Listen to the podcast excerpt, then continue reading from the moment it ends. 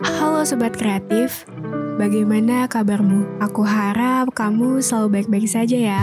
Dan aku harap semoga kamu bisa tersenyum setiap harinya. Sama halnya sepertiku, senyum ini selalu terpancar setiap harinya. Ini semua akibat ulahnya. Ya, dia yang selama ini membuatku seperti perempuan gila. Aku jatuh suka pada pandangan pertama. Apakah kamu pernah merasakannya?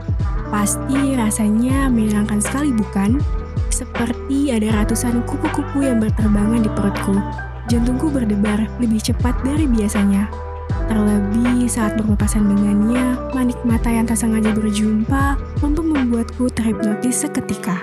Aku sudah tidak bisa berkata-kata.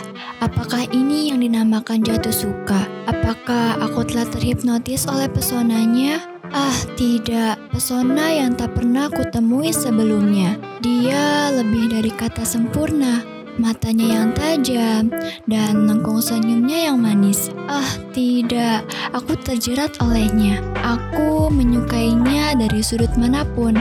Satu hal yang paling aku suka dari dirinya saat ia mulai berbicara di ruang publik. Siapa yang tidak mampu terpesona akan tutur katanya? Walaupun terlihat angkuh dan tidak bersahabat, aku yakin ia memiliki sisi baik di hatinya. Ingin rasanya aku bertegur sapa dengannya, tapi aku tak berharap lebih. Menatap matanya saja sudah membuatku bahagia. Aku tidak bisa membayangkan seperti apa diriku saat berbicara dengannya. Yang aku inginkan kini, aku dapat melihatnya setiap hari. Karena hal itu yang membuatku dapat bersemangat menjalani hari-hari yang abu ini. Waktu yang selalu kuinginkan adalah malam. Saat malam datang, tidak jarang aku selalu berhayal, akankah suatu hari aku bisa memilikinya? Jatuh suka membuatku gila, membuatku seakan terbang di atas awan.